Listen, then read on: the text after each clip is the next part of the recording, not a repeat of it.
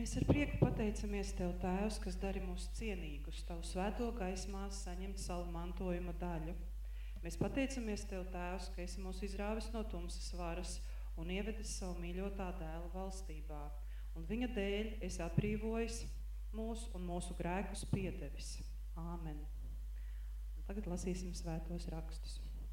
Pirmā Jāņa vēstule 1, 5 līdz 10. 1. Jāņa 1, 5 līdz 10.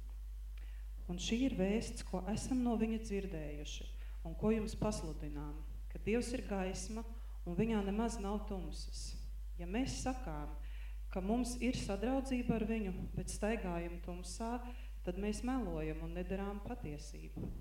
Bet ja mēs staigājam gaismā, kā viņš ir gaismā, tad mums ir sadraudzība citam ar citu, un viņa dēla Jēzus asinīs – Asinis mūs šķīstīja no visas apgrēcības.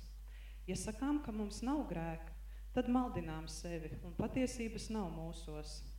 Ja atzīstamies savos grēkos, tad viņš ir uzticams un taisns un mums piedod grēkus un šķīstī mūs no visas netaisnības. Ja mēs sakām, ka neesam grēkojuši, tad padarām viņu par meli un viņa vārda nav mūsos. Āmen. Lūksim Dievu.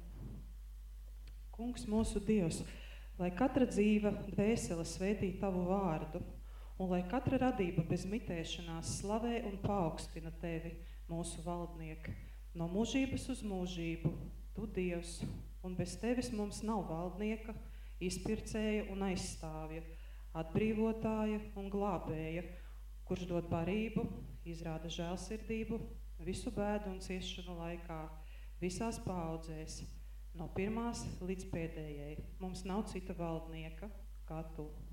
Āmen.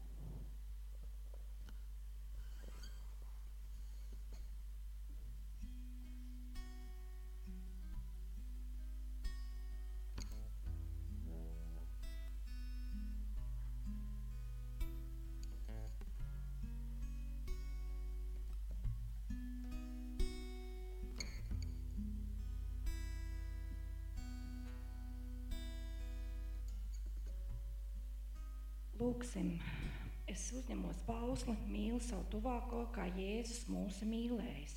Jāņa evaņģēlijas 13, 34, 35. Jāņa evaņģēlijas 13, 34, 35. Tavas lielās žēlstības dēļ, visu varenais, es nākšu tavā namā un zemošos svētajā vietā, bībā tavā priekšā. Un es lūdzu tevi, tavas labastības laikā, kungs, mans Dievs, savā lielajā žēlastībā atbildi man, atklājot patieso glābšanu. Visuma valdnieks valdīja, pirms viņš radīja visas radības, un kāpēc viņa gribas tika radīta visa pasaule, viņa vārds kļuva valdnieks, un kad beigsies šī pasaule, viņa bargais valdīs viens. Viņš bija, viņš ir, un viņš mūžīgi savā lieliskumā. Viņš ir vienīgais, un nav cita, nav neviena, kas varētu līdzināties viņam un būtu kā viņš. Viņam nav sākuma un beigu, viņš ir visuvarens un viņam pieder vara. Viņš ir mans dievs, mūžīgi esošais, mans atbrīvotājs, manas dzīves ceļa stiprums pēdu laikā. Viņš ir mans karoks, mans patvērums, mans atbalsts dienā, kad piesaucu viņu.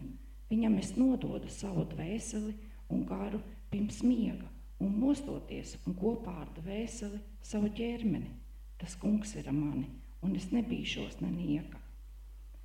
Mūsu Dievs un mūsu tēvu Dievs piemini mūs labvēlīgi un pievērs savu skatu no debesu sākotnes augstumiem, dāvājot glābšanu un žēlastību, un piemini par labu mums, kungs, mūsu Dievs, mūsu sentēva, tava kalpa, Ābrahama mīlestību uz tevi un savu derību un žēlastību un savu solījumu, ko Dievi Ābrahamam, mūsu tēvam, uz Marijas kalna, un piemini to, ka viņš sasēja savu dēlu Īzaku un novietoja viņu uz altāra, kā ir rakstīts tavā torā.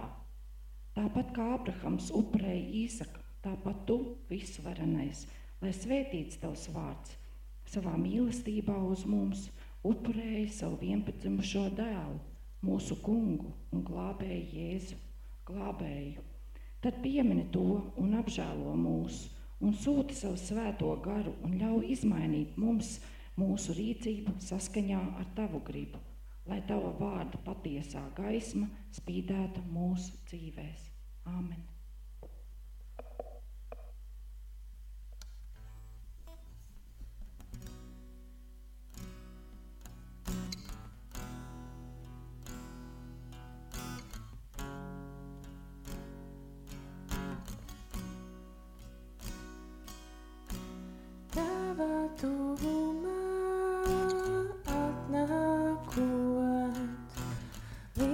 Aizmirstas un izpēlē.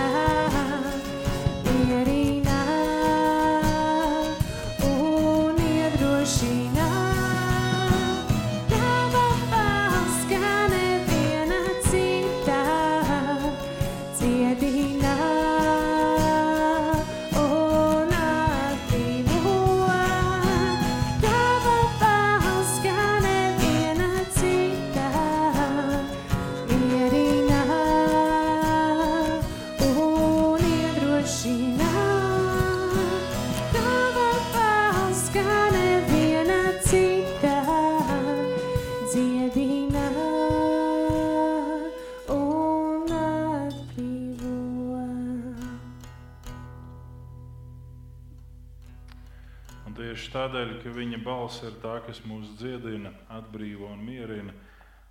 Nāksim grēku nožēlā viņa priekšā. Apžēlo mūsu Dievs savā žēlastībā un savā žēlsirdībā dzēs mūsu pārkāpumus. Mazgā mūsu tīrus no vainas, no grēka šķīstī mūs. Jo savus pārkāpumus mēs zinām, un mūsu grēks vienmēr mūsu priekšā.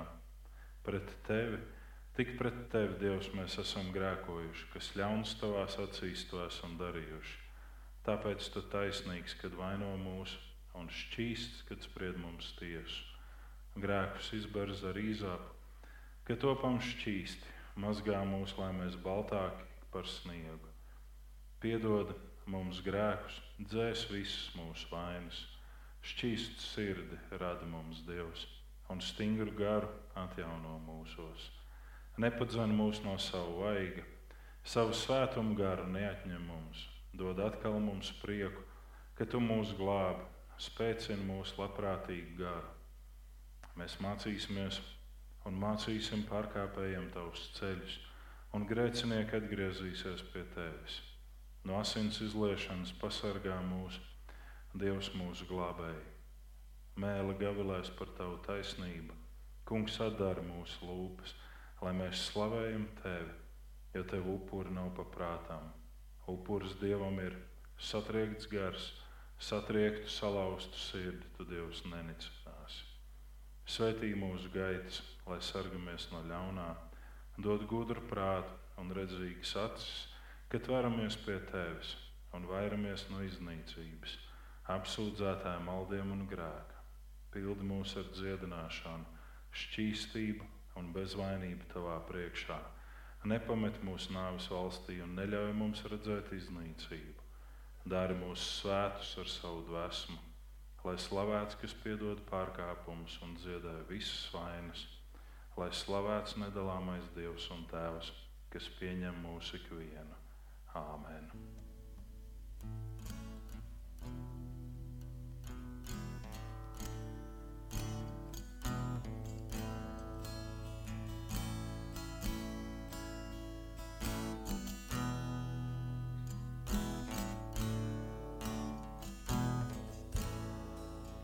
Nāc, kungs, svētījošais labais, manā sirdī dziesmu tvēs.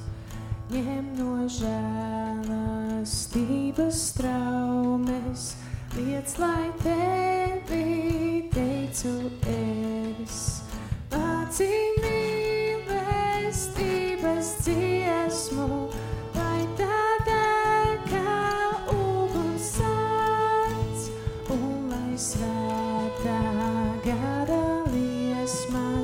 ground.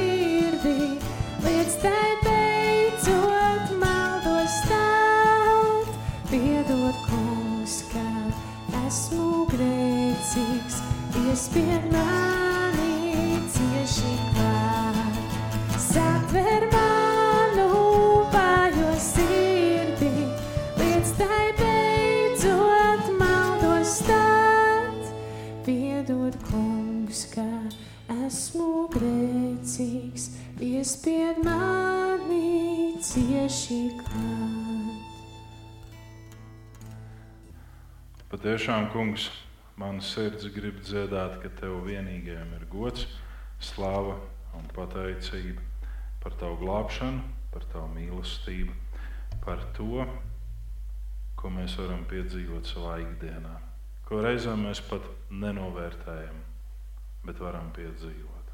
Āmen! Sēdieties, lūdzu!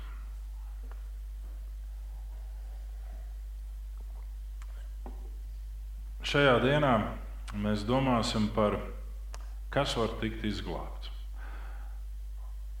Mums kā cilvēkiem ļoti patīk spriest par ezotēriskām lietām.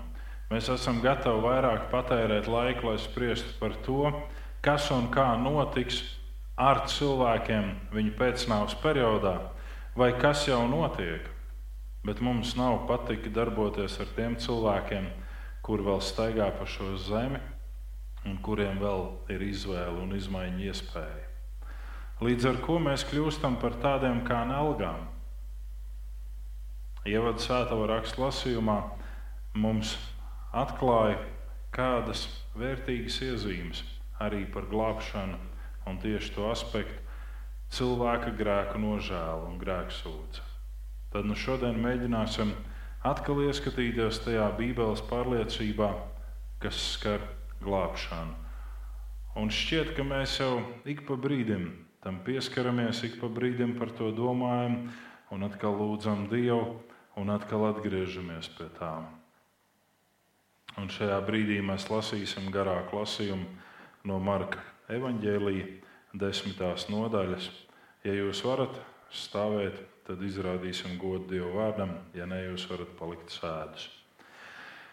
Kad viņš izgāja uz ceļa, viens pieskrēja un ceļos nometies viņa priekšā lūdza: Labais skolotāj, kas man jādara, lai es iemantotu mūžīgo dzīvību?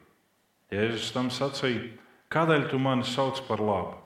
Neviens nav labs kā vienīgi Dievs. Baušļus tu zini, nenogalina, nepārkāp laulību, nezodz, nedod nepatiesu liecību, nekrāp, godā savu tēvu un māti Bet tas viņam sacīja, skolotāji, to visu es esmu pildījis kopš savas jaunības.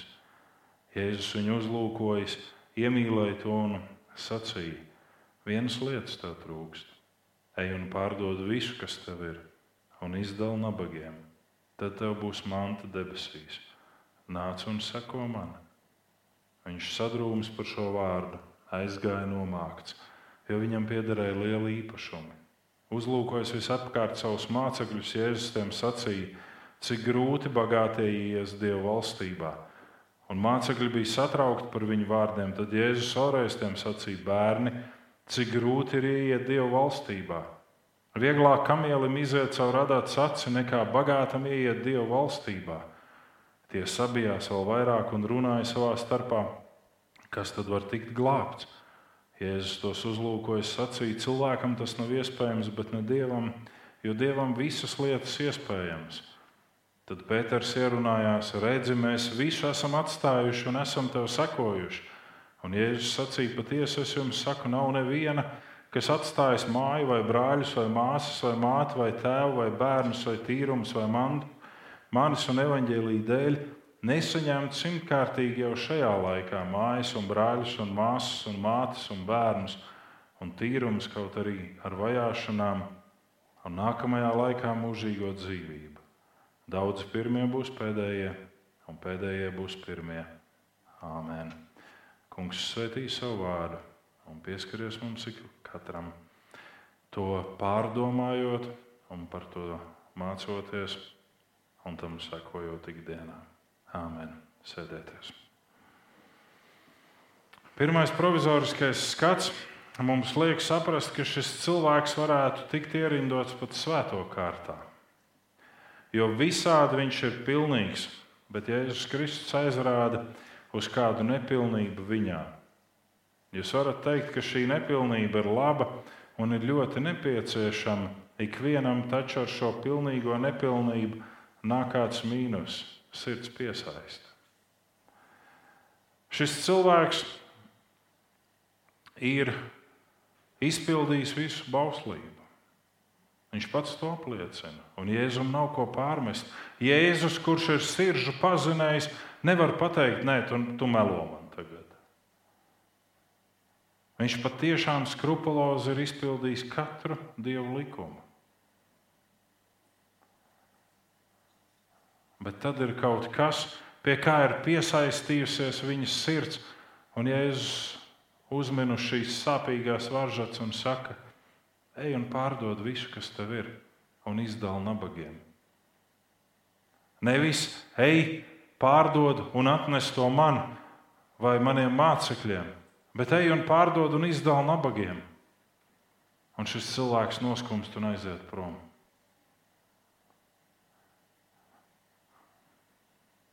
Tā tad runa ir par sirds piesaisti milzīgā apmērā. Precizējot, šis narratīvs mums atklāja, ka attaisnojums es jau šad tad aizēju uz baznīcu, vai es maksāju nodokli baznīcai, ir tādi cinismam pakļauti un humānā līmenī ļoti derīgi atskaites punkti, bet ne Dieva klātbūtnē vērtīgi. Tādēļ arī radās mācekļu neizpratne un sašutums. Taču to visu vēl sāsina un pastiprina Jēzus tālākais teksts par kamieļiem un lāpāmajām adatām. Mācekļi neliekas mierā un ir ļoti satraukti, taču Jēzus nes skaidrojumu visam, un par to mēs šodien arī detalizēti domāsim. Vēl viena maza atkāpe. Savā laikā esmu dzirdējis nereiz vienu salīdzinājumu, ka Jēzus runā par fizisku kamieli. Un ka Jeruzalemē esot bijuši 12 vārti apkārt. Jeruzalemē pašai nebija 12 vārti apkārt, bet Jeruzalemes templim bija 12 vārti apkārt. Un ka kāds no šiem vārtu apmēriem ir bijis tik maziņš, ka cilvēks tur tā garāks varot pieliecies, iziet cauri un tik šauri tie vārtiņi Bet kamielim tur esot jāiet cauri rāpus un nastas ir jānoņem nost. Ja jūs lasat rakstus, tad jūs zinat, ka apkārt Jeruzalemē bija 12 vārti vienādā izmērā. Jeruzalemes templim. Tur nebija mazāk un lielāk, viņi bija vienādi. Un tas templis, ko Dievs gatavo debesīs, ir perfekts atainojums tam, kas ir šeit virs zemes. Un apustulis Jānis apraksta, ka ir 12 vārti, un katra vārta ir veidota no vienas pērles. Identi vārti. Tas, ko Jēzus dara šeit, viņš patiešām piesauc kamieli. kamieli. Un kā atskaites punktu Jēzus ņem lielāko lāpāmo adatu un saka, var kamielis izlīst cauri šī adatas acīm vai nevar? Un mēs katrs varam teikt, tas ir muļķīgs jautājums, jo nav iespējams. Un Jēzus saka, tieši tāpat ir ar to cilvēku, kuram vai kam kaut kas ir pieaudzis pie sirds vairāk kā Dievs. Tieši tāpat. Viņš nevar ieiet Dieva valstībā, jo tas, kas ir pieaudzis viņam pie sirds, viņu tura tik ļoti pie šīs zemes, ka viņš nevar ieiet Dieva valstībā, ka viņš nevar piedzīvot Dieva atklāšanos. Katram tas ir kaut kas savs. Tādēļ ir vērtīgi mums pārliecināties un pārbaudīt sevi un izmeklēt sevi, kas ir tās lietas, kuras mūsu ikdienā nosaka mūsu dzīves kvalitāti un standartus. Un vai tas nav kaut kas tāds, kas mums ir ļoti pieaudzis pie sirds? Es pazīstu vienu puisi, kurš savā laikā teica, ka viņam ļoti patīk skatīties televizoru. Un viņš to televizoru aizskatās citreiz tik ļoti vēlu, un tad nevar piecelties no rīta. Un tad viņš izdomāja risinājumu. Viņš aizkrāsoja televizoru ekrānu ar krāsu. Un tā ir viņa paša liecība. Bet viņš saka, turpinājumā bija, ka viņš ar kaut ko ik pa brīdim pakasīja to krāsu nost, jo tas kārdinājums bija atkal skatīties. Un beigās atkal viss ekrāns bija notīrīts.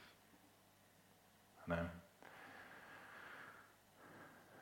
Vai tas, ko tu dari, nekalpina tevi?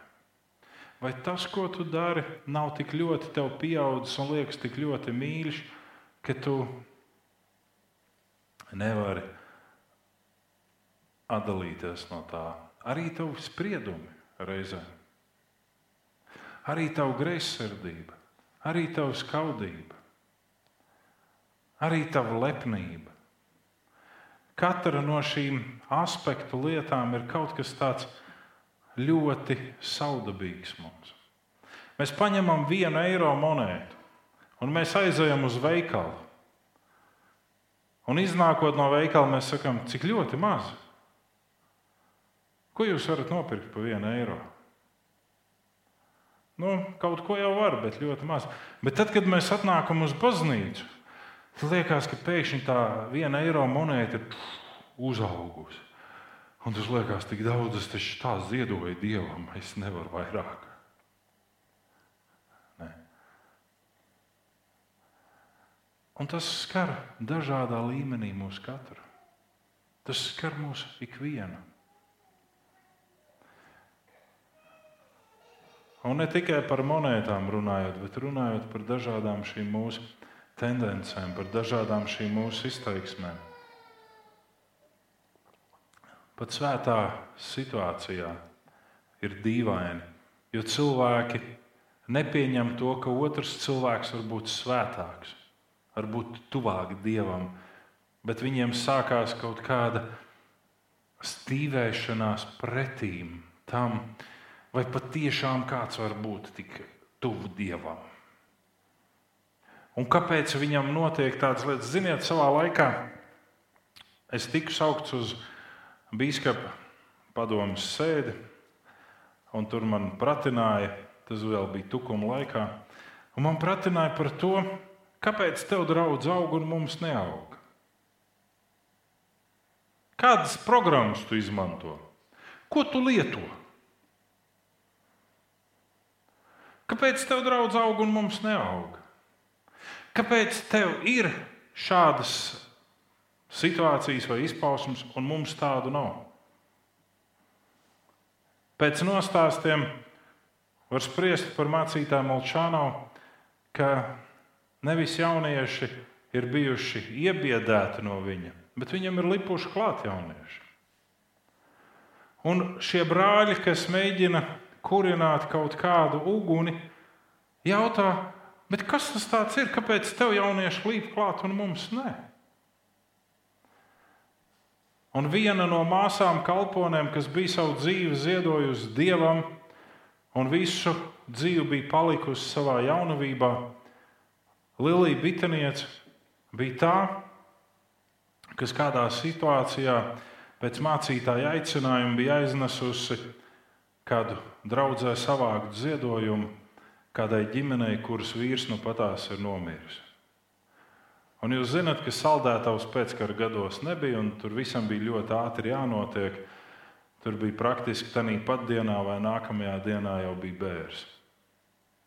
Un Lilijas kundze ieiet šajā dzīvoklī un redz strādnieku tipu dzīvoklis, maza virtuvīte, maza istabiņa, un redz, ka istabā stāv galds pārklāts ar baltu palagu uz galda kāds guļ. Nu, skaidra lieta. Cilvēks ir aizgājis visu. Viņi atdod šo ziedojumu kas ir atnests, dodas ārā, un treptelpā viņa atcerās, ka viņa savu somiņu ir aizmirsusi. Tur dzīvoklī. Iet atpakaļ un skatās, brīnumi notikuši. Mironis augšām cēlies, sēž uz galda un velk zābakšu kājās. Bet šī nelielā auguma sieviņa, bez kautiņiem, bez grautiņiem, dieva spēkā panāk, ka viņai jādod šo ziedojumu naudu bez strīdiem, un viņi dodas prom. Mēs varētu teikt, šodien šādā pat situācijā kāds noteikti ņemtu krāsnes kruķi un sistu pa galvu tā, ka Lilija vairs nekustās. Ne? Bet vai tevī un manī ir šis dievspēks? Un tad, kad tevī un manī šis dievspēks ir, tad kādi sāk teikt, tu jau esi pārāk taisns vai taisna. Tu jau esi pārāk, nē, tik daudz nevajag. A, kā tu to panāci? Varbūt tev ir kāds maģijas vai vēl kaut kas. Un pirmais šajā glābšanas spektrā, ko mēs redzam šeit, Jēzus teiktajā, ir, cilvēkam nav iespējams sev glābt. Cilvēkam nav iespējams sev glābt. Patīk mums tas vai nepatīk, bet cilvēkam nav iespējams sev glābt. Mēs parasti pierakstam sev šo tendenci un sakam, es atradu Jēzu muļķības. Jēzus atrada mani. Jēzus atrada Ādamu. Šodien mēs ar manu dēlu Jānu pārunājām šo radīšanas stāstu un Ādamu un Ievas radīšanu. Un mēs nonācām abi pie tā vēlreiz un vēlreiz, kad Dievs izgāja pastaigā pa dārzu. Ādams to pamanīja un noslēpās krūmos. Un mēs ar tevi savas dzīves situācijās esam savu iedomu krūmos, savas pareizās uzvedības krūmos, savu dogmu krūmos. Un vienīgais, kurš var mums palīdzēt, ir Dievs, ja Viņš mūs atrod šajos krūmos. Viņš zina, kuros krūmos mēs esam. Un Viņš stāv pie tiem krūmiem un klauvē pie mūsu apziņas. Ar labajiem darbiem netiek glābts gars. Labie darbi dara vidi ap tevi labāku un pilnīgāku, bet nenodrošina tavu glābšanu. Tā ir cilvēka parastā vilšanās un pārmetumi, kas zināmas lietas dzīvē nenotiek automātiski. Nokristījos, un viss atrisinājās. Vai maksāja desmito tieši, un uzreiz dzīvoja kā niertaukos, vai nožēloja grēkus, un visas grēku sekas pazūd, atkāpjas un nav vairs. Iepriekš minētie darbi nav labie darbi, bet tie ir tikai privātās svētības un šķīstīšanas darbi. Pagājušajā nedēļā man bija kāda saruna ar kādu jaunekli, kurš man uzdeva jautājumu, vai Dievs piedod visus grēkus.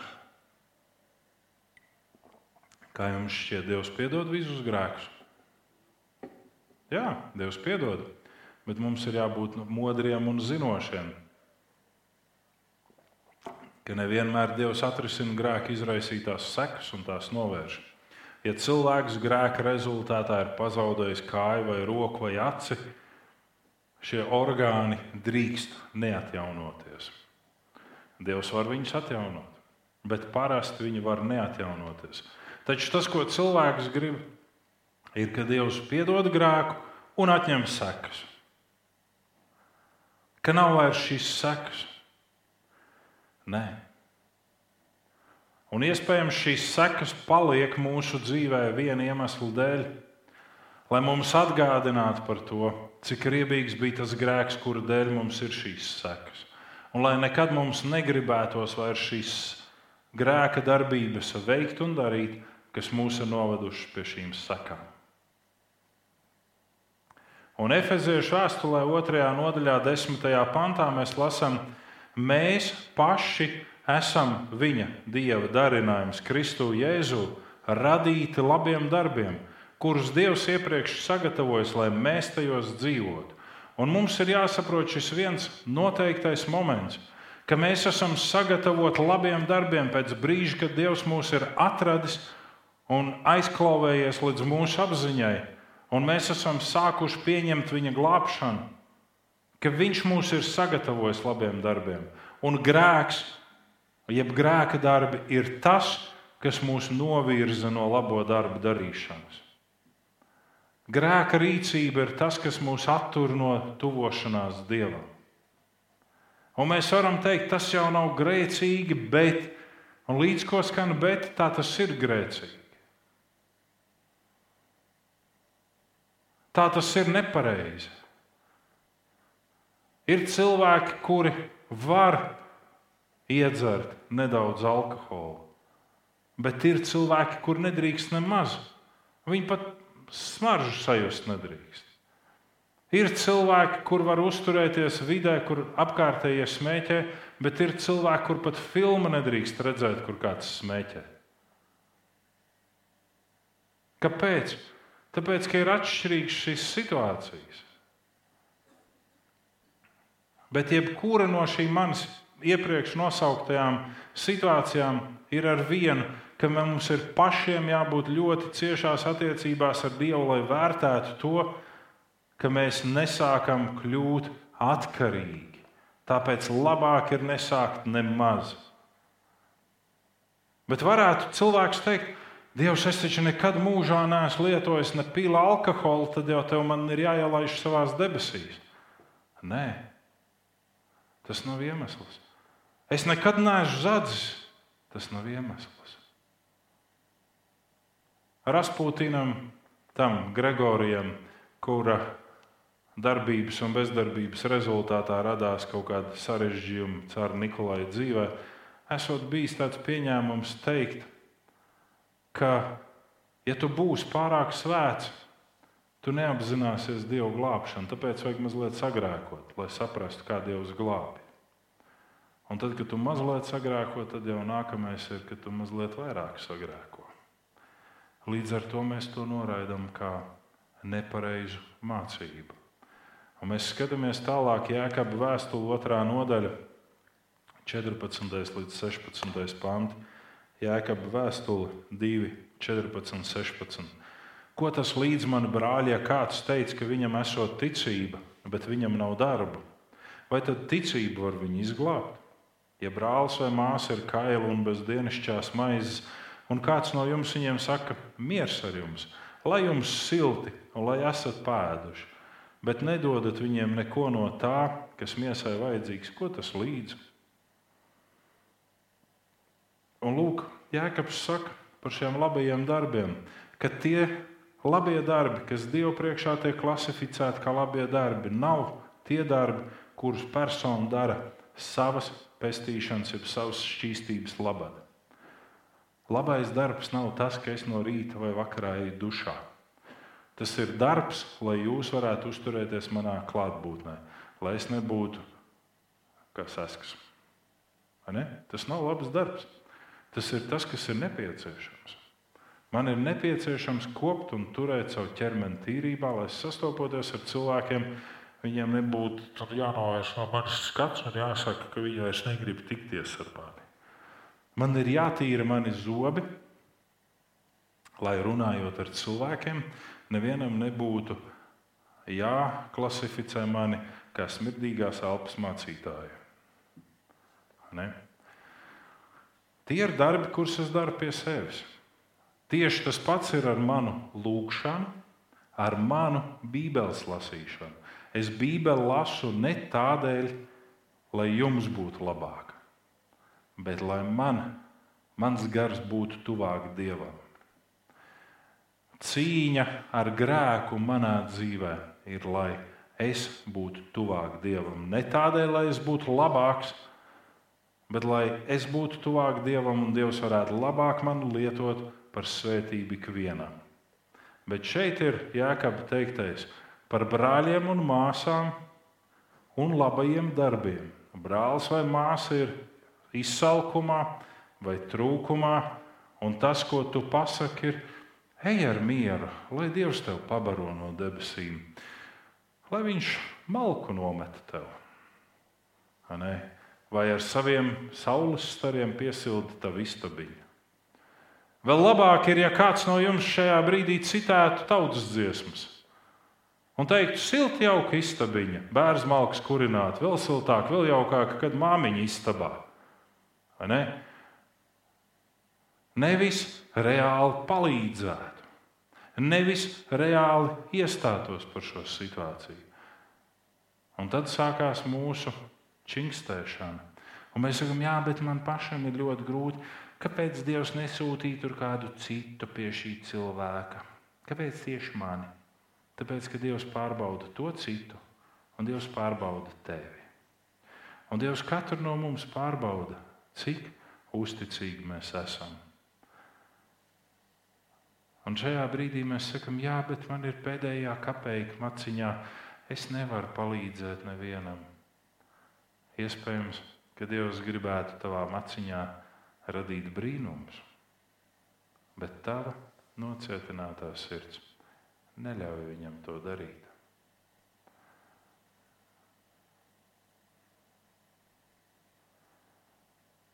Grēks attur mūs no labajiem darbiem. Grēks attur mūs no tuvošanās dievam. Ejam tālāk.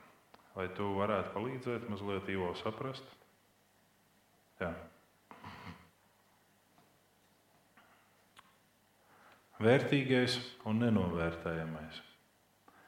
Ar vērtīgo tiek apzīmēts tas, ko mēs no sevis atdodam, vai pat upurējam, kā šeit Pēters un citi mācekļi saka, mēs esam visu atstājuši. Šodien praktiski nav tādas situācijas, kas pieprasa no mums visu atstāt. Kā vien kādi galēji notikumi. Taču šeit mums ir jābūt ļoti prātīgiem un ne pārsteidzīgiem. Kā mums tas mēdz gadīties? Mēs spriežam par situācijām, kā mums ir izdevīgāk vai ērtāk tajā mirklī spriest, bet tas nav pēc patiesības un taisnības. Jēkaba vēstule, tāpat otrā nodaļa, tikai 1 līdz 4 panti. Mani brāļi, ticību uz godības kungu Jēzu Kristu nesaistiet ar cilvēku ārienu.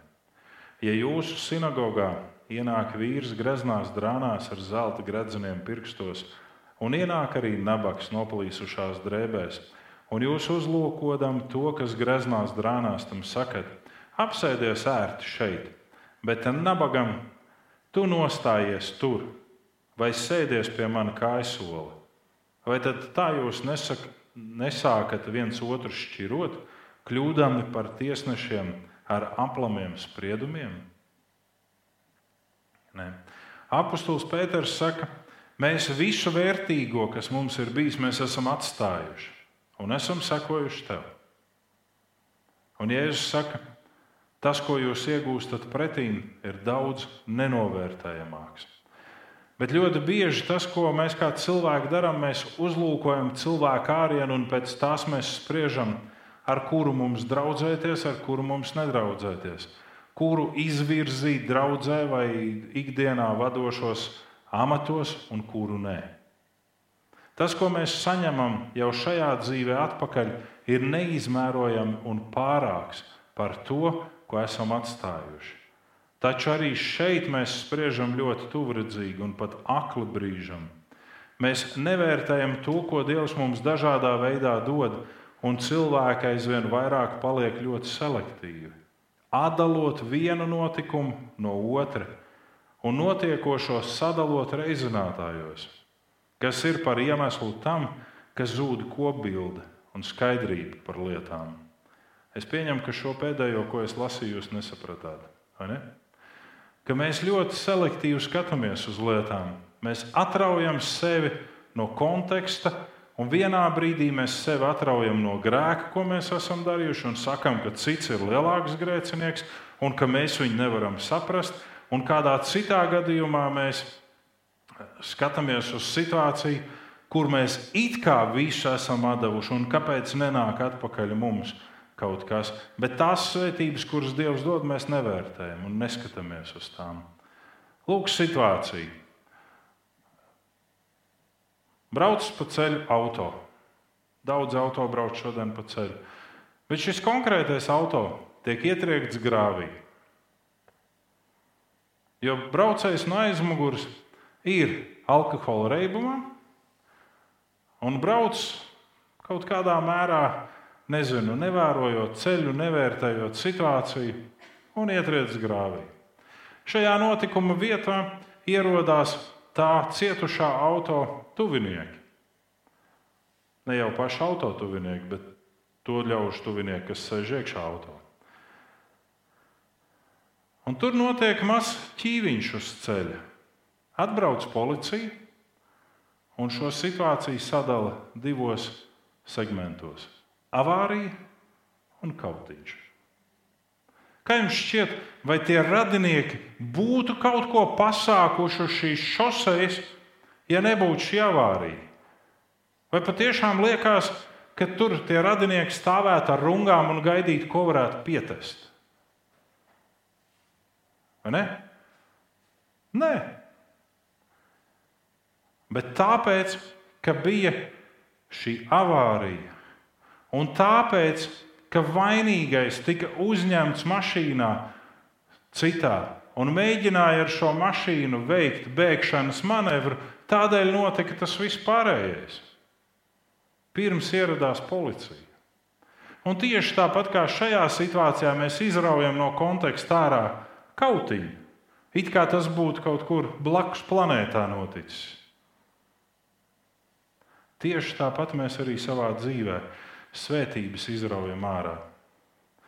Un mēs sakām, ja es palīdzēju Jānim Palo, senioram, tad man no Jāņa Palo ir jāsaņem atpakaļ. Nē, es varu saņemt atpakaļ no jebkuras citas personas, kur Dievs izmanto. Un tajā brīdī, kad mēs kā cilvēki gribam svētīt otru cilvēku, un tas saka, nē, nē, nē, nē es negribu, man nevajag, nē, nē, nē. Pārtrauciet šo. Ja ir kaut kāds iemesls, kādēļ šī svētība ir nākusi pie jums, tad pieņemiet šo svētību. Dievs grib svētīt. Pārtrauciet šo pārāko pieticību, bet tāpat laikā esiet atvērti arī jūsu svētībai. Nekad nereiķiniet, ka labie darbi un desmitā tiesa ir metami vienā kulē. Desmitā tiesa ir desmitā tiesa. Un, ja šī ir tava draudzene, tad šeit ienāk tava desmitā tiesa. Un vispārējais ir labprātīgais ziedojums. Un labie darbi mēdz būt arī ar upura pieskaņu. Un upuris ir nevis kaut kas, kas nāk no manas pārpilnības, bet upuris ir kaut kas, kas nāk no sāpēm. Es negribētu to dot, jo man sāp. Man pašam tas varētu noderēt. Bet es to dodu, jo Dievs to prasa no manis. Un tad mēs skatāmies uz to puisi, kuram ir tie zelta gradzeni, un sakam, nu, viņam jau ir vieglāk, lai viņš uztur draugu, lai viņš palīdz katrā situācijā. Bet Jēkabs saka, nē, jūs nedrīkstat tā spriest. Kurš pirmais ienāca, tas sēžas pirmajā vietā. Un, ja tas ir šis skrandainais nabaks, tad viņš sēžas pirmajā vietā. Un ļoti bieži tie cilvēki, kas ir ap mums, ir garīgi, tādi skrandaini nabagi, un mēs pat viņus neuzlūkojam. Reizēm mēs skatāmies uz cilvēku, kurš ir ieģērbts glītās drēbēs, kurš uzvedās ļoti zelīti, bet mums šķiet, ka ar viņu viss ir kārtībā, taču viņa gars ir skrandās. Mūsu uzdevums būtu ieklausīties Dievā. Mūsu uzdevums būtu apstāties viņam blakus vai viņai. Bet mums tam nav laiks. Mums ir laiks apstāties varbūt blakus kādam, kuram nevajag mūsu palīdzību šobrīd. Ne? Šī kopbildes zaudēšana un izraušana no konteksta notikumu ir šī laikmeta sātena viltība, aizmiglot skatu. Tomēr jā, jāatzīst, ka selektīvā uztvere bija jau arī Bībeles un jaunās derības laikā. Kā jau mēs redzējām, šo selektivitāti par to divu cilvēku uzlūkošanu dievkalpošanā.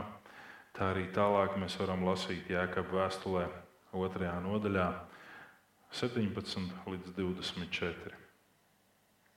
Tāpat arī ticība, ja tā nav darbu, tā pati par sevi ir mirusi. Bet kāds sacīs, tev ir ticība, bet man ir darbi.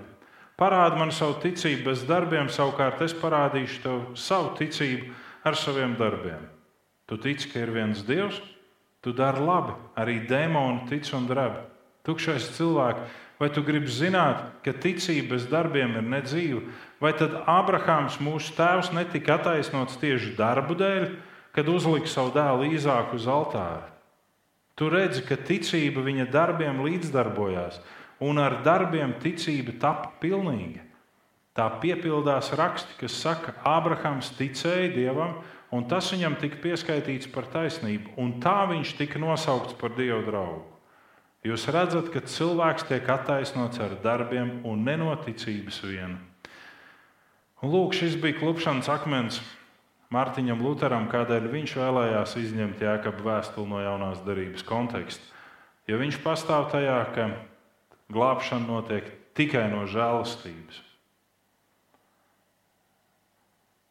Un Jēkabs saka, bez žēlastības un bez tās ticības tev ir arī jāapliecina ar darbiem tavs glābšanas faktors. Un tas ir strīdus akmens līdz šai dienai šajā baznīcā. Ticību un žēlastību tu apliecini ar saviem darbiem. Nevis pēc dievkalpojuma atgriezies atpakaļ pie saviem grēkiem, bet tu uzsāc cīņu pret saviem grēkiem, lai nebūtu dieva žēlastība kājām minama, lai nebūtu nicināma dieva žēlastība. Un tad cilvēks saka, bet es visu esmu darījis. Es esmu no katra grēka atteicies.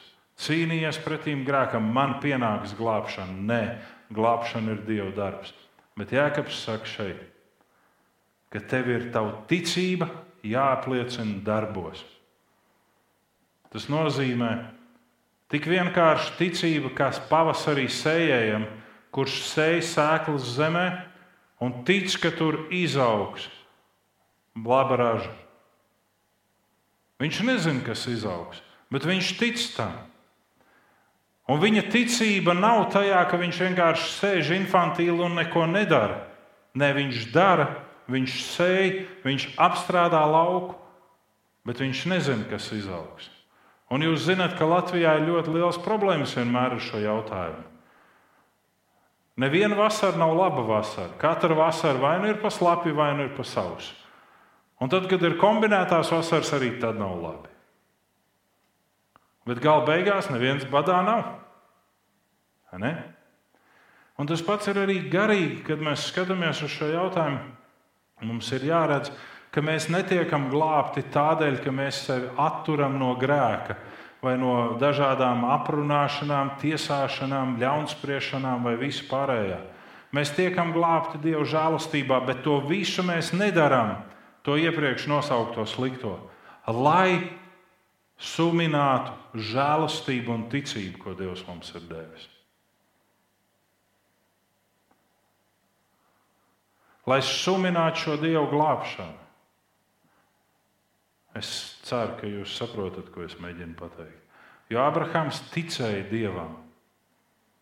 Un tad pienāca viens brīdis, kad Dievs teica, ok, upurē man savu dēlu. Tu saki, ka tu tici manam. Tev ir dēls, tev ir mantinieks, upurē viņu manam. Un, ja mēs skatāmies pēc tradīcijas, nevis pēc tā, kā mēs esam pieraduši skaidrot, tad tradīcija saka, ka pirmkārt Īzākam bija 36 gadi. Un to mēs varam ļoti labi pamatot ar nākamās nodaļas notikumiem. Ja Īzākam ir 36 gadi. Otrakārt, tradīcija saka, ka Abrahāms nevis grasījās nogalināt Īzāku, bet nogalināja Īzāku. Un Dievs viņu atdzīvināja. Un Abrahāms bija gatavs vēlreiz nogalināt Īzāku. Un Dievs teica, pietiek, es esmu pārliecināts par tevi. Un tad parādījās auns. Lai arī kā tur būtu, šeit ir teikts, Abrahāms ticēja Dievam, tas viņam tika pieskaitīts par taisnību, un viņš tika nosaukts par Dieva draugu. Tad, kad viņš apliecināja savu ticību. Nevis tad, kad viņš runāja par savu ticību. Nevis tad, kad viņš saņēma to, ko viņš ilgstoši bija gaidījis un vēlējies, bet tad, kad viņš apliecināja, ka viņš tic Dievam līdz pat skarbiem darbiem. Ir cilvēki, kuriem Dievs atklāja rīcības plānu, un tas ir gandrīz katram no mums. Un tajā brīdī, kad mēs sākam darboties šī plāna īstenošanas labad, tad nāk dažādi uzbrukumi un kārdinājumi, kuru dēļ mums vajadzētu atteikties no šī plāna. Kāpēc? Tāpēc, ka zina mūsu vājās vietas. Ļaunais zina mūsu vājās vietas un zina, ar ko mūs vislabāk var kārdināt. Ar stabilitāti, ar mieru, ar kaut kādu noteiktību. Šodien es sēdēju mājās, tajā brīdī, kad es sēdēju mājās, un es domāju par vienu situāciju. Vai tajā dienā, kad es neatnāku uz baznīcu, kad es esmu apvainojies uz jums visiem un es nevienu negribu redzēt. Vai tajā dienā es sēžu ar savu ģimeni mājās un atšķiru Bībeli, un vai es lasu Bībeli? Vai mēs lūdzam Dievu kopā, vai katrs kaut kur pa sevi nomuļā kaut ko un viss, un citreiz pat neko? To sevī ietvēra saimes pātarlasīšana ka ģimenes vecākais vīrietis ņēma dievu vārdu, ņēma dziesmu grāmatu, ņēma lūkšanu grāmatu un bija tā kā mājas dievkalpojums. Vai mēs arī to darām? Vai tajā dienā mēs pasakām, es esmu tik švaks, es nevaru neko? Vai es esmu tik ļoti aizņemts? Kā tā? Ja šī ir svētdiena, Un tu nevari būt draudzes vidū. Veselības dēļ, citu iemeslu dēļ. Vai tu vienalga kopā ar draugu tanī pat laikā esi ar Dievu vārdu? Tev ir situācija, kur dēļ tu nevari atstāt varbūt savus tuviniekus mājā vienus, un tu paliec ar viņiem, bet vai tu esi kopā ar viņiem pie Dieva vārda? Ļoti bieži atbild ir nē tad kā lai tava ticība ir redzama darbos līdz galam? Tikai tajā, ka tu nesā krustiņu kaklā, vai tikai tajā, ka tu ēdnīcā pie galda apsēdies un te lūgsim Dievu? Kā? Tikai tajā, ka tu runā ar visiem par Dievu, bet absolūti ignorē viņa principus. Ko saka Dieva vārds? Jaunā darība. Mēs sakām, parasti vecā darība uz mums neatiecās, muļķības tā attiecās, bet labi, jaunā darība. Apostols Pāvils, piemēram, saka, nepalieciet nevienam neko parādā kā vien mīlestību. Jo mīlestību nevar atdot. Ne? Var mīlestību mēģināt tā kā parādīt atpakaļ, bet tu viņu nekad nevarēsi atdot tādā pat mērā, kā tu viņu saņēmi. Bet, nu, labi. Nepalieciet nevienam neko parādā. Tas ir Dieva likums. Un, ja tu esi apņēmies, un ja tu esi apsolījies, tad izpildi. Vērtē to, ko tu vari izdarīt un nevari izdarīt. Un tad labāk saulaicīgi pasaki, es to nevarēšu izdarīt, nevis pasaki, es to izdarīšu, un beigās tur ir, tu zini, nu, nu nē. Nē, Ticība parāda darbos līdz galam. Tam, ka tu tici, ka Dievs redz slepenībā. Un tas, ko Dievs redz slepenībā, par to viņš arī atmaksās. Tad, kad tu lūdz Dievu mājās, to neredz neviens, bet Dievs to zina, ka tu lūdz. Tad, kad tu lasi viņa vārdu, mājās. To nezina neviens, bet Dievs zina.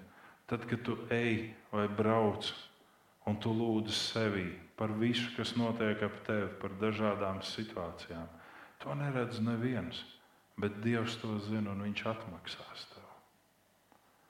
Un nav nepieciešams izbazunēt visiem un teikt, es par tevi rūpējos, es par tevi lūdzu. Nē, Dievs zina to. Cilvēka tiesa pretēji Dieva tiesai ir tas, ko mēs redzam šajā Marka evaņģēlīja notikumā.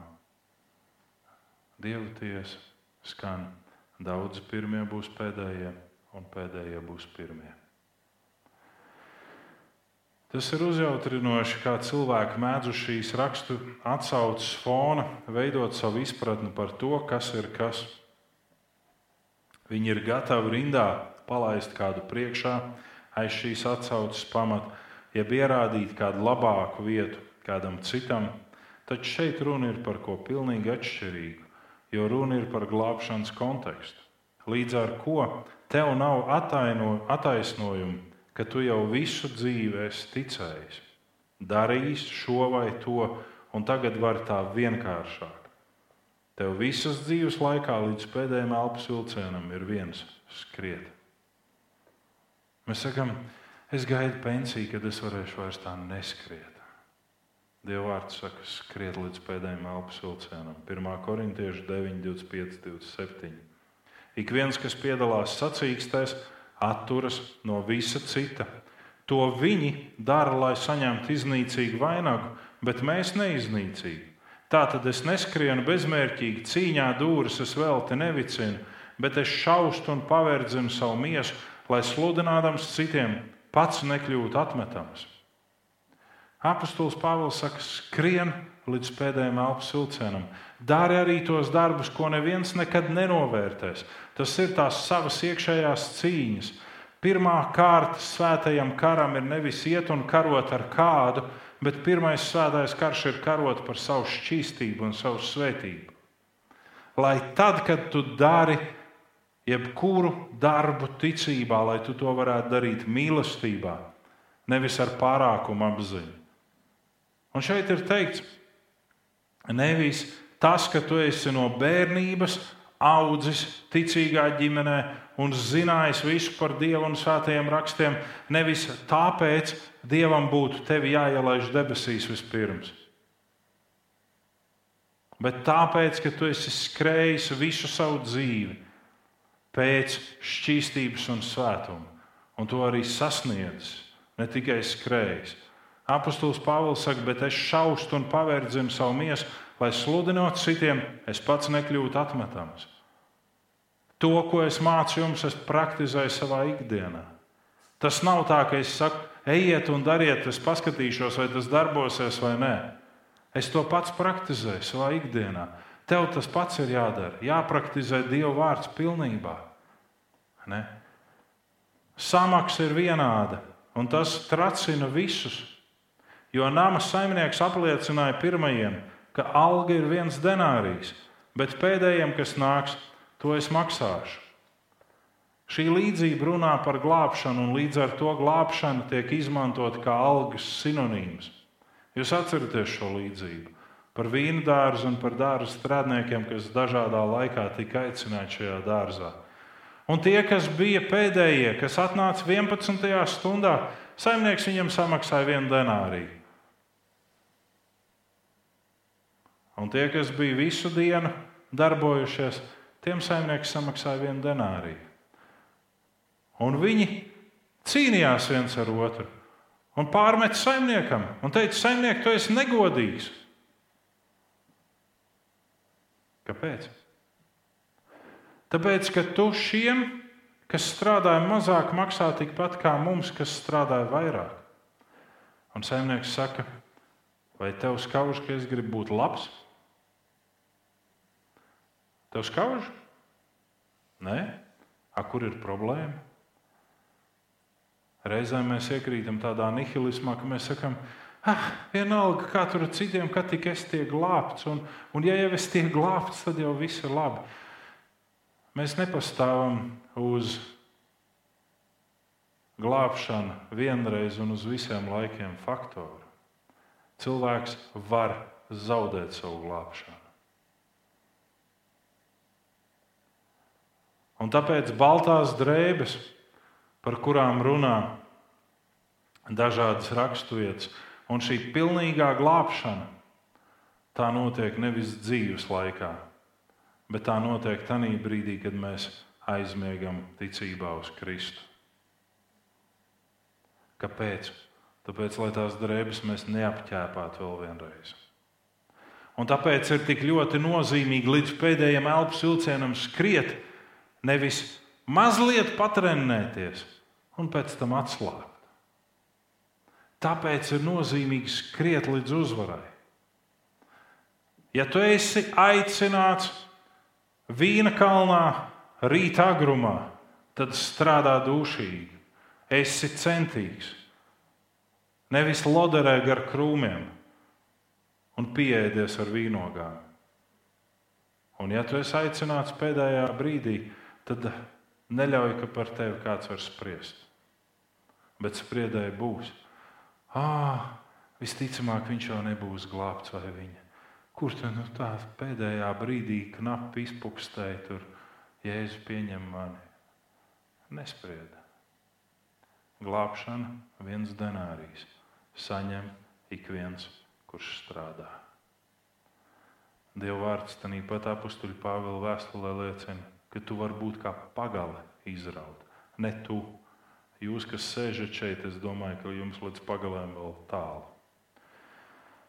Bet tāds cilvēks, kas visu dzīvi ir noklenderējis no Dieva, slēpjas pa krūmiem, un pēdējā brīdī, pirms savas aiziešanas, viņš ir sastapies ar pestīšanas vēstu un ir pieņēmis to. Viņš kā pagāli tiek izrauts.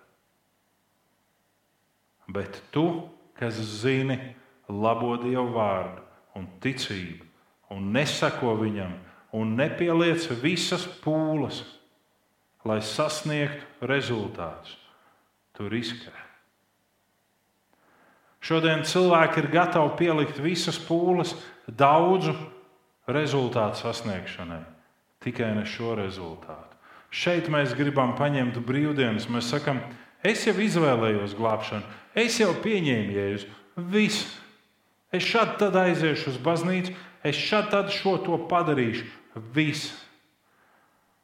Dievs ir noteicis vienu dienu nedēļā lietot viņam. Ar kādu mērķi? Viņam nebija ko darīt, ne, lai pārbaudītu mūsu un mūsu ticību.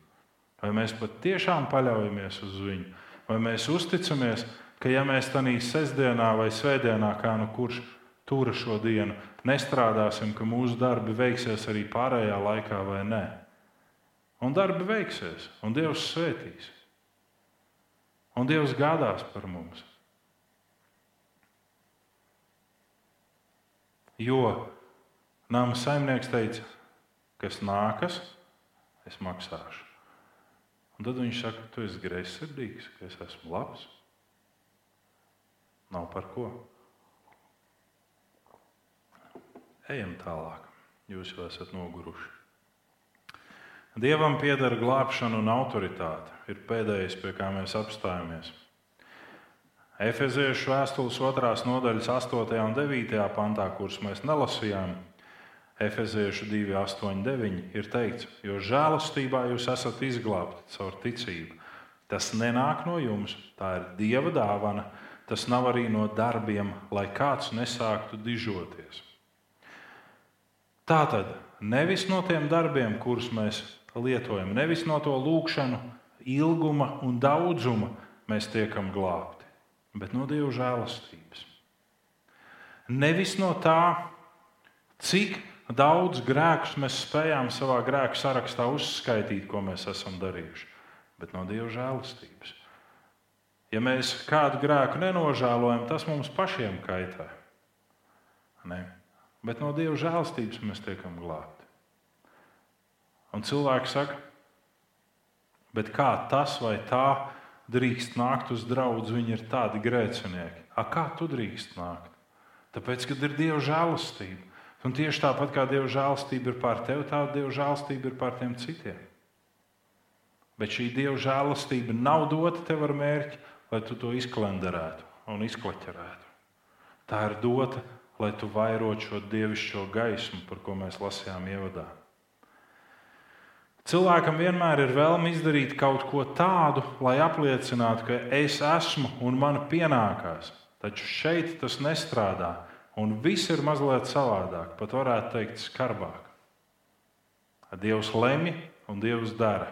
Tā tad ne no cilvēka pats fakts ir atkarīgs, taču priekšdarbi ir ļoti atkarīgi no cilvēka, visa šī atsaucība Dieva aicinājumam. Labie darbi, upuri un viss kas saistās ar pat dzīves uzlabošanu ikvienam. Tātad mēs ļoti bieži gribam uzlabot dzīvi sev. Piekrītam, tā ir. Taču mēs esam glābti, lai uzlabotu dzīvi ap sevi. Un tajā brīdī, kad kādi ļaudis, kuri spīd no taukuma, sāk stāstīt, kā viņi mīl Dievu, un tajā pat laikā nav gatavi paēdināt reāli izsalkušos, tad pārņem skumjas. Tanī brīdī, kad cilvēki ir tik ļoti aizrāvušies ar dzīvnieku glābšanu, bet blakus stāv cilvēki, kuriem ir vajadzīga vienkārši mīlestība, tad metās skumji. Es jums pateikšu to, kas jums nepatīk. Dzīvnieki ir savvaļai radīti. Un ja mēs tos pieradinām, tad mēs uzņemamies atbildību par viņiem. Un ja vien būtu balsošana, es balsotu par katra klaiņojošā barsika nošpricēšanu, nevis izkastrēšanu, lai neradītu citus barsicēnus. Šobrīd vairs suņi neklaiņo tik ļoti riņķī, kā tas bija manā bērnībā. Ne. Dzīvnieki ir savvaļai radīti. Un tas, ka mēs viņus ģenētiski modificējam un konfigurējam, un beigās mums sanāk hundešu vaina, tā jau nav dzīvnieku vaina. Suņcūka. Man vecāki atbrauc reizes sen atpakaļ. Saka, ah, tu zini, lapiņam ir tādas cūkas, matainas tā kā aitas. Normāli? Nu, nē.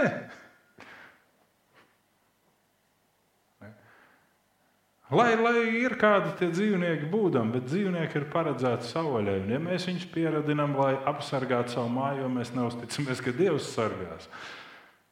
Protams, tas ir ļoti smieklīgi. Suns, kas ir piesiets pie ķēdes, sargās labāk kā Dievs man māju, vai ne? Nu, bet, jebkurā gadījumā, dzīvnieki ir paredzēti savvaļai. Ja mēs viņus pieradinām, mēs uzņemamies atbildību. Bet šobrīd mums ir valstiski un dažādā veidā uzturēts patvērsmes dzīvniekiem. Mums ir vākti ziedojumu līdzekļi, un mēs nezinām, ko darām, lai glābtu dzīvniekus. Mēs lietojam resursus valstiskos, lai rūpētos par viņiem. Bet mums blakus ir cilvēki, kam ir nepieciešams palīdzība, kam ir nepieciešams tas, ka mēs viņus vienkārši varbūt reizēm apskaujam, varbūt uzklājam galdu un paēdinam viņus. Tur mums ir vaiprātīgas normas. Katrai zupas virtuvei skrien sanitāri un pārbauda, vai viss notiek pareizi. Vai šie cilvēki, kas vispār dzīvo ārprāta apstākļos, un es brīnos, kāpēc viņiem nav neviens vīrus. Un mums, kas tādos apstākļos nedzīvo, ik pa brīdim pļauj tik vīrusu nost, tad tur skrien sanitāri un pārbauda, vai tik mēs viņiem neiebarosim kaut ko sliktu. Ko sliktu viņam var iebarot? Ne? Tādēļ mēs esam izglābti, lai netīksminātos par šo glābšanu, bet lai pēc iespējas labāku darītu vidi ap sevi Un tas ir visā bauslībā paredzēts process. To paredz visi pravieši, to paredz Kristus, ka mēs veidojam ap sevi labāku to vidi. Mēs sakām, bet vide negrib mainīties. Tāpēc, ka mēs jau neesam izmainījušies, mēs tikai ar vārdiem mēģinām padarīt to vidi labāku. Mēs esam tik ļoti politiski kristieši. Mēs tikai blā, blā, blā, blā, blā, blā, blā. Un no blā, blā, blā, blā nekas nemainās mainās no tavas dzīves un tavu piemēru. Arī ne jau uzreiz. No tā, kā tu uzvari kārdināšanas un kā tu stājies pretīm ļaunajam. Cilvēki man saka, es vairs negribu cīnīties, es, es vairs nevaru. Būs jāiet vēlreiz pirmajā klasē. Cilvēks, kurš neiziet pirmo klasi un nepabeidz caur savu šo tendenci pamešanu, Viņš iet vēlreiz pirmajā klasē. Tik ilgi, kamēr tiek pabeigta pirmā klase, un tad nonāk otrajā klasē. Un otrajā klasē mēs lasām romiešu vēstules 9. nodaļu, 14, 16. Un tur ir teikts, Romiešu 9, 14, 16. Ko nu teiksim? Vai Dievs ir netaisns? Nē, taču. Jo mūzum viņš saka, es apžēlošos par to, par ko apžēlošos, un kam gribu līdzjust, tam jutīšu līdzi. Tiešām ne no cilvēka gribēšanas vai skriešanas. Viss nāk no Dieva, kas apžēlojās. Viss nāk no Dieva, kas apžēlojās. Bet Dievs apžēlojās par mums, lai mēs varētu padarīt vidi labāku ap sevi. Un tajā brīdī, kad mēs relaksēti, atslīgstam savos dziļņos un sakam, es esmu glābts, es iznācu priekšā, es teicu grēcinieku lūgšanu, es nokristījos, es, es. Tajā brīdī atceries, Dievs nav netaisnīgs, ja Viņš arī tevi nosūtīs uz elli. Ar to vien, ka tu esi katru dienu bijis baznīcā, kad ir bijusi baznīca atvērta, vēl tu nenonāc debesīs. Bet ar to, ka tu strādā šīs žēlastības vārdā, ticībā strādā, brīžam pat upurējot sevi vai savus resursus. Jauneklis bija gatavs upurēt savu fizisko un garīgo morālo stāju Dievu godam bet viņš nebija gatavs nevienu denāriju atdot Dievam. Savukārt mēs varbūt esam otrādi. Mēs esam gatavi Dievam atdot visus denārijus, kas mums ir, bet mēs neesam gatavi savu morālo stāju uzturēt tīru, un mēs pat kurbulējam viens otru uz grēku un ļaunumu. Negodīgi. Mēs atbalstam piramīdas, mārketingu, mēs atbalstam dažādas citas lietas. Mēs jau man vajag dzīvot. Es priecājos par to laiku, kas vēsturē iezīmējas kā viensēta laiks. Strādāja, nopelnīja, iztērēja, dzīvoja. Un tad sākās tas kārību laiks, kad sākās urbanizācija un industrializācija. Un kādi, kas bija viensētās, teica, Bet es arī gribu to, kas ir tur tiem pilsētniekiem. Un kas tad ir pilsētniekiem? Modernā verdzība. Strādā cita labā, ne tu sēji, ne tu pļauj, vergo. Un tev saka, tu saņem tik daudz, citi mūsu uzņēmumā nesaņem tik daudz. Un tāpēc tev ir jājūtās vainīgam, ka tu strādā 8 stundas, bet ne 12 muļķības.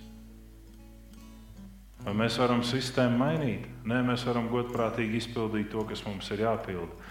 Mēs vēstures ratu vairs nepagriezīsim atpakaļ. Bet mums ir jābūt dieva gudriem, kā čūskām un bez viltus, kā baložiem. Lai žēlastību, ko Dievs ir devis, un šo ticību un apžēlošanu mēs nenokleķerētu un neizniekotu. Lai Dievs savā apredzībā mums katram skaidrotu prātu, un mēs topam par viņu glābšanas dalībniekiem un iemantotājiem. Ne tikai iedomās, bet patiesībā. Āmen! Dziedāsim!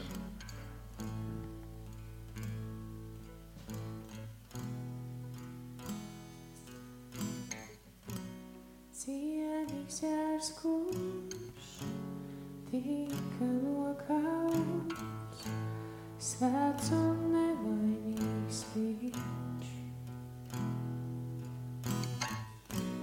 Jaunu dziesmu dziedi